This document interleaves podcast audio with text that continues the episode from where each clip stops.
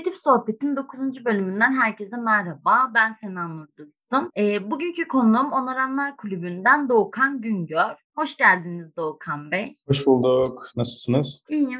Nasılsınız? Ben de iyiyim gayet. Teşekkür ederim. İsterseniz öncelikle e, sizi tanıyarak başlayalım sohbetimize. Tamam nasıl arzu ederseniz. Ben Doğukan, Doğukan Güngör. Ee, esasında bir endüstri mühendisiyim ama pazarlama iletişim üzerinde yüksek lisansla birlikte profesyonel hayatım e, markalar ve iletişim üzerine ilerledi. Şu an Onanlar Kulübü'nde görev alıyorum. Hem proje e, geliştirme süreçlerinde hem iletişim süreçlerinde takım arkadaşlarımla birlikte çalışıyorum. 33 yaşındayım. Ee, böyle. E, aslında ilk olarak sormak istediğim şey Onaranlar Kulübü'nün nasıl kuruldu? E, bundan biraz bahsedebilir misiniz bizlere? Elbette. Aslında Onanlar Kulübü ben ve e, ortağım Ufuk'la birlikte bir, e, çalıştığımız bir teknoloji şirketinde başladı hikaye. E, bizler üç boyutlu yazıcı teknolojisinin hakim olduğu bir endüstride görev alıyorduk. Elimizdeki bu üretim teknolojisini nasıl e, onarma kültürüne hizmet eder diye düşünürken ve bunu nasıl toplulukla buluşturabiliriz diye düşünürken aslında Onanlar Kulübü fikri çıktı. İlk önce ismi çıktı demem daha doğru olur. Çünkü hakikaten onarma kültürünü e, işte bireysel üretim ve üretimin demokratikleşmesi ilkeleriyle ile çok bağdaştıran bir konsept üç boyutlu yazıcılar. E,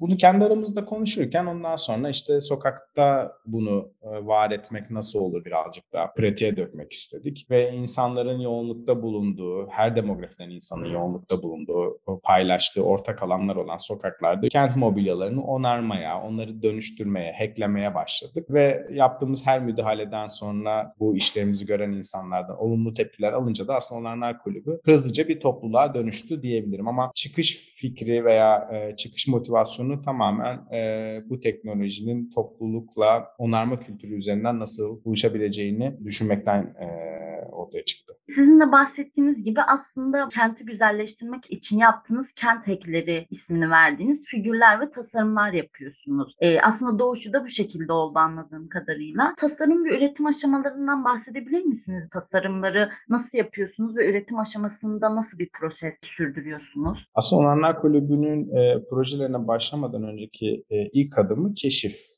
e, fark etmek ve keşif. Yani biz e, sokakta veya işte ortak paylaştığımız alanlarda uygulama yapacağımız alana önceden karar veriyoruz. Daha sonra o alana nasıl bir tasarım geliştireceğimizle, geliştirebileceğimizle alakalı olarak iç ekip bir araya geliyoruz. Beyin fırtınaları yapıyoruz. O beyin fırtınaları sonucunda ortaya çıkan fikirler daha sonra bir modelleme ve son e, yani final tasarım dediğimiz aşamaya geliyor ve sonrasında üretip uygulamasını yapıyoruz. Yani aslında bu sokaklara yerleştirdiğimiz, sokak yerleştirme geliştirmeleri ismini verdiğimiz e, proje Onanlar Kulübü projelerinden onlarca projesinden sadece bir tanesi. En çok görünür olduğu için ve internet evet. sitesi, Instagram veya basında çok yer aldığı için e, sa- sadece sanki sokakta böyle yerleştirmeler yapıyormuşuz veya onarılması ihtiyacı bulunan yerleri yerleştirmeler yapıyormuşuz gibi algılansa da aslında bu projelerimizden sadece bir tanesi. E, işe, okula, bakkala vesaireye giderken e, insanları iyi hissettirebilecek detayları sokakta var etmek e, Onaranlar Kulübü'nün e, birçok projesinden sadece bir tanesi oldu diyebilirim. Evet aslında e, ben de ilk e, bir sene önceydi sanırım gördüğümde böyle hani çok kötü bir gün geçiriyor olsanız bile o sokaktan geçerken onu görmek böyle insanı bir mutlu hissettiriyor ve çok da güzel bir şey e, aslında. E, bir de, Bunu duymak güzel. E, ve bunu aslında yani birçok kişiden de duyuyorum. Hani iç mimarlık, endüstriyel tasarım gibi bölümlerde okuyunca böyle şeylere ilgimiz oluyor ve araştırıyoruz da aslında ve Onaranlar Kulübü'nü gördüğümüzde böyle heyecanlanmıştık hepimiz. Aa çok güzel işler yapıyorlar gibi onu da belirtmek istedim. Çok mutlu oldum. Teşekkür ederim.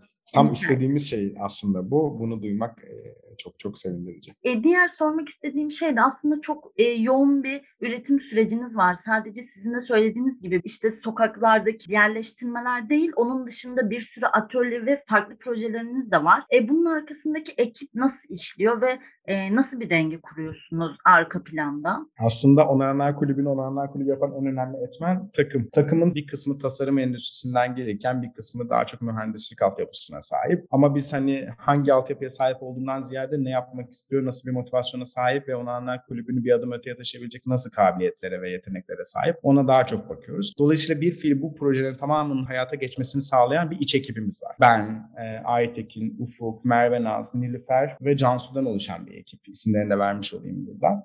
Ee, biz genelde her projede birlikte düşünüp, birlikte tasarlayıp, birlikte aslında projeyi hayata geçirmeye çalışıyoruz ve zaman zaman bazı projelerde de de açık çağrılar yaparak insanları dahil etmeye çalışıyoruz. Daha önce farklı projelerde bir araya geldiğimiz ve yeteneklerine güvendiğimiz insanları, bunlar mimarlar, iç mimarlar olabilir, endüstri ürünleri tasarımcısı olabilir, mühendis altyapısına sahip olabilir. Fark etmeksizin onları, o insanları da projelerimize dahil ediyoruz. Aslında Onanlar Kulübü tabii ki süreç, kendi iç sürecini yöneten bir 6 kişilik ekibe sahipken öte yandan da bazı projelerde eklentili bir şekilde e, bu sayıyı arttıran kolektifte bir yapı. Diğer sormak istediğim konu da aslında e, Nike işbirliği ile Kadıköy Belediyesi'nin de desteğiyle gerçekleşmiş bir projeniz var. Kalamış Parkı Kolektif Dönüşüm Projesi. E, bahsedebilir misiniz? Sizin için önemi ne ve e, süreç nasıl işledi? Aslında Onarlar Kulübü bir inisiyatif olarak yola başlamıştı. Yani ben ve Ufuk'un e, şehirle alakalı, onarmayla, üretmeyle alakalı e, belli içgörülerini hayata geçiren bir inisiyatif olarak başladı ama ilk başta da söylediğim gibi insanların gösterdiği e, ilgi ve olumlu etkilerle birlikte bir sosyal girişime dönüştü. E, ve e, yaptığımız birçok projede de belli dönüm noktalarımız var. Nike işbirliği de aslında onlardan bir tanesi. Bizler daha çok kentte mikro ölçekte uygulamalar yaparken bir gün e, Nike'ın telefonuyla güne uyandık aslında. Bizleri ofisine davet ettiler ve heyecanlı bir şekilde e, ofislerine gittik. Daha önce birçok marka işbirliği yaptık ama bunlar hep daha küçük ölçekli. E, ve Nike'ın ofisinde ya burayı böyle detaylıca anlatıyorum çünkü bence çok ilham veren ve örnek evet. olması gereken de bir süreç diye düşünüyorum. E, ofisine gittik ve bize sordukları ilk soru şuydu. Arkadaşlar hayaliniz nedir? E, yani biz böyle ilk bu soruyu aldığımızda hani hayaliniz ne arkadaşlar falan gibi böyle birazcık daha hani e, bu işin projeye dönüşeceğini hayal etmeden, konuş düşünmeden aslında soruyu algıladık. Hakikaten de o dönemde 2019 yılıydı. Böyle kamusal alanda onanlar böyle bir, bir dönüşüm yapsa, bir kamusal alanı baştan aşağı dönüştürse nasıl olur diye kendi aramızda konuşuyorduk ve ondan bahsettik. Dedik ki biz böyle böyle insanların e, yoğunlukla kullandığı, atıl kalmış, dönüşürse ihtiyaçlara yönelik dönüşmesi çok daha iyi olacak bir alanda etki yaratmak istiyoruz dedik ve onlar da bu fikri gerçekleştiriyoruz arkadaşlar dediler ve aslında biz projeyi konuşmaya başladık. Ee, önümüzde birçok alternatif vardı ama Kalınmış Parkı ile ilerledik Kadıköy Belediyesi'nde desteğiyle. Orası yaklaşık 3500 metrekarelik bir kamusal alan. Yani içerisinde skate park var, işte basket sahası, voleybol sahası, yürüyüş alanları vesaire. Mesela bu alan belki de Türkiye'de bir sosyal girişim, bir yerel yönetim ve bir markanın bir araya geldiği ve insanların ihtiyaçlarının yaklaşık bir ay gibi bir süreç içerisinde dinlenerek tasarlandığı ilk alanlardan bir tanesi diyebilirim çok rahatlıkla. Çünkü biz e, Kalamış Parkı'nı tasarlarken daha doğrusu düşünürken önce orada yaşayan insanların, orayı kullanan insanların fikirlerini dinledik. Yaklaşık bir ay boyunca farklı saat dilimlerinde, e, farklı zamanlarda daha doğrusu ve e, elde ettiğimiz veriler sonucunda da bir tasarım ve bir e, aslında oranın kullanıcı deneyimini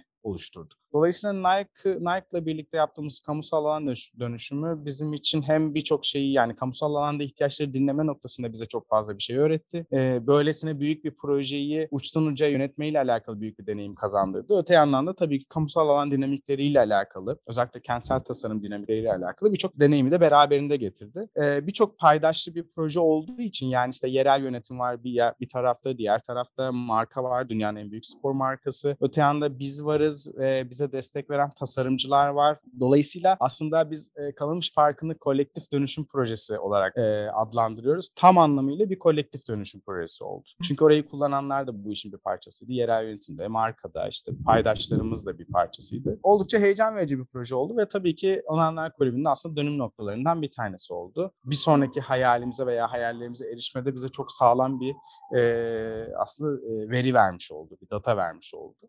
Genel olarak heyecanlı olduğumuz bir proje. Yakın zamanda da e, yeniledik hatta yani çünkü biraz eskimişti kullandıkça tabii ki. E, yine oradaki ihtiyaçlara yönelik hem markanın hem de yerel yönetimin direktifleriyle birlikte alan tekrar yenilendi. Bence e, çok fazla eskimeden görsünler derim. Evet bence de kesinlikle görülmesi gereken bir yer ve e, benim anladığım kadarıyla yanlışsam lütfen düzeltin e, bir ihtiyaçtan yola çıkarak e, yapılan aslında sizin tüm projeleriniz bir ihtiyaçtan çıkarak yapılıyor yapılıyor? Evet yani e, bir tespit süreci var yani bir keşif süreci var. En başta orada işte e, kaykay yapan insanların daha konforlu bir şekilde kaykay yapabilmesini sağlayacak bir zemin oluşturması, rampaların oluşturması en büyük ihtiyaçlardan bir tanesi. Öte yandan hemen yanında ufak çaplı bir basket sahası var mesela. Zemini çok kötüydü, potası çok kötüydü vesaire. Oralar yenilenmiş oldu. Ziyaretçi geliyor. E, hem skate yapanları izliyor hem basket yapan insanlar izliyor ama mobilyalar yok. Yani insanların orada bir izleme alanı yoktu. Dolayısıyla yaklaşık 42 metrelik tek bir mobilyadan oluşan bir kamusal alan yerleştirmesi de mobilyası da yapmış olduk oraya. İşte insanların bilgisayarlarıyla çalışabileceği, işte kaykaylarını tamir edebileceği, işte gökyüzünü ve denizi yatarak izleyebileceği gökyüzü hamakları gibi böyle birçok aslında eklentisi de mevcut o alanın. Dolayısıyla böyle uçtan uca düşündüğünüzde evet yani e, belli ihtiyaçları olan bir kamusal alandı ve biz bu ihtiyaçlara mümkün mertebe tabii ki yüzde yüz o ihtiyaçları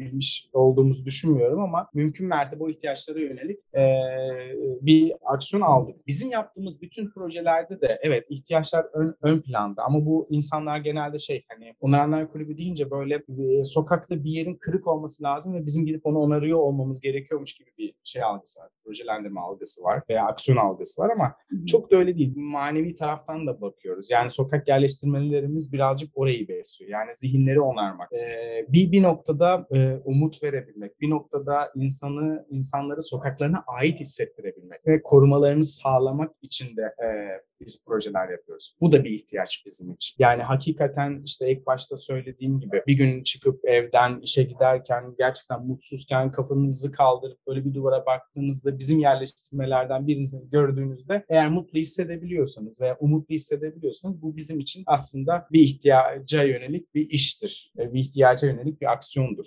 Biz bunu böyle algılıyoruz ve o yüzdendir ki yaptığımız bütün işlerden sonra insanlardan bu tür olumlu tepkiler alıyoruz. Elbette e, her yaptığımız işin işte en çok güzel, çok iyi tasarıma sahip, işte bütün ihtiyaçlara çözüm sunuyor olduğunu söylemek çok iddialı bir şey olur. Ki öyle bir vaadimiz de yok. Bizler aslında e, bir noktada bir inisiyatifiz. Yani bazı konularda e, insanları cesaretlendirecek, insanlara ilham verecek işler yapmaya çalışıyoruz ve insanları da buna dahil etmeye çalışıyoruz. Dolayısıyla öyle büyük vaatler verip o vaatleri gerçekleştirme ile alakalı kendimizi sorumlu hissetmiyoruz. Biz e, yapmak istediğimizi, insanlara iyi geleceğini düşündüğümüz şeyleri yapıyoruz ve insanları da bu yaptığımız sürece dahil etmeye çalışıyoruz katılımcılık ve kapsayıcılık ilkeleriyle. Evet aslında bu sizin hissederek yapmanız bence sizi takip eden insanları da geçiyor diye düşünüyorum. E, bununla ilgili de aslında sona doğru yaklaşırken şöyle bir soru sormak istiyorum.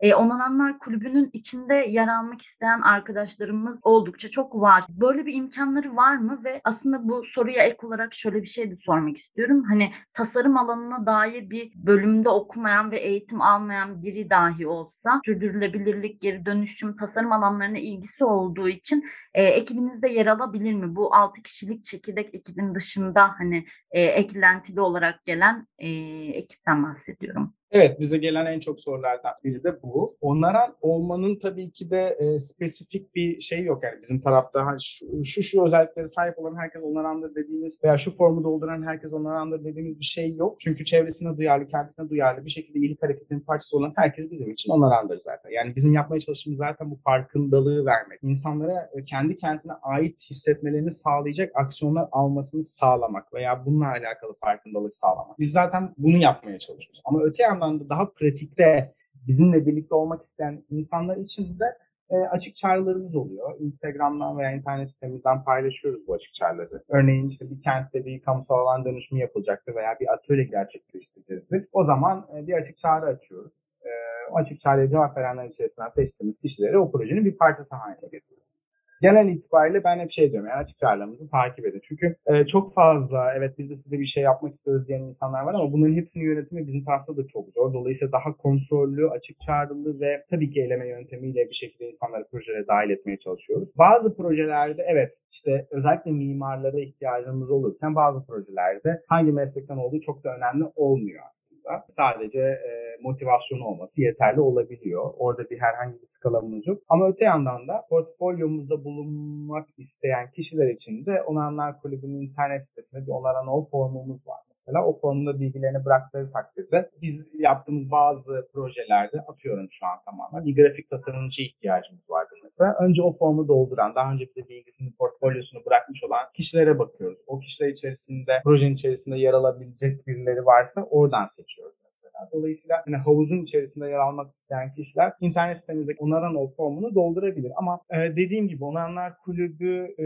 bazen şöyle şeyler oluyor. Mesela Diyarbakır'dan bir takipçimiz işte kendi e, çalıştığı okulun duvarını öğrencileriyle birlikte boyamış. Bize fotoğraf gönderiyor. Arkadaşlar sizden esinlendik bunu yaptık diye. Mesela tam görmek istediğimiz manzara da bu. Yani hani bizden bağımsız e, inisiyatif alabilen, e, buna zaman harcayan, bunun için insanları bir araya getirebilen bir e, motivasyon varsa zaten artık o kişi onaran olmuştur veya o topluluk onaran olmuştur. Biz bundan feyiz alıyoruz, bundan zevk alıyoruz, bunları görmek istiyoruz. Onaranlar Kulübü birazcık böyle büyüsün istiyoruz aslında. Yoksa e, evet çatıda biz 6 kişilik bir ekip e, bir topluluğu yönetmeye çalışıyoruz. E, ama bunun daha e, zihniyet olarak yaygınlaşması ve herkese etki etmesi için herkesi bir, bir noktada elini taşın altına koyması gerekiyor. Biz de e, elini taşın altına koyduğunda bak bunlar olabiliyoryu göstermeye çalışıyoruz. Aslında birazcık daha vitrin kısmı bizim yaptığımız şeyler. İstiyoruz ki işte Anadolu'da hatta dünyadan birçok e, insan e, işte kent aidiyeti, kente bir şeyler katmak, çevresinin çevresiyle olan diyaloğunu geliştirmek, kent ile olan diyaloğunu geliştirmek adına bir şeyler yapabiliyorsa, birisi oturduğu sokaktaki kaldırımı kendi yöntemiyle onarabiliyorsa veya işte bir okulun bahçesine e, bir e, bank tasarlayıp üretip oraya koyabiliyorsa ya da çocukları onarma zihniyetiyle buluşturabilecek bir panel düzenleyebiliyorsa zaten aslında Onanlar Kulübü'nün en değerli e, parçalarından bir tanesi olmuş oluyor yani. Evet. böyle Diyarbakır'da bir öğretmenin bunu başlatması hani aslında sizin yaptıklarınızın da bir sonuçlanması ve size geri dönüşü gibi oluyor. Bu da çok kıymetli e, sizin için de anladığım kadarıyla. Yine Onaranlar Kulübü'nde de bir onaran olmak isteyen kişiler için de e, sizin bahsettiğiniz gibi e, Instagram'dan açık çağrılar veya internet sitesinden başvuru yapabilirsiniz. O zaman sonuna geldik bu bölümümüzün. Ben çok teşekkür ediyorum katıldığınız için ve böyle çok keyifli ve çok güzel bir sohbet etmiş olduk. Daha iyi anlamış olduk Onaranlar Kulübü'nde. O yüzden geldiğiniz için çok teşekkür ediyoruz. Ben teşekkür ederim davet ettiğiniz için. E, zevkle katıldım zaten. Dilerim yaptığımız projelerde bir araya geliriz ya da e, sizin yaptığınız projeleri biz grubla izler ve paylaşırız. Çok teşekkür ederiz. Umarım tekrardan bir araya gelme fırsatımız olur. O zaman bugünkü bölümümüzün sonuna geldik. Önümüzdeki bölümlerde görüşmek üzere. Hoşçakalın.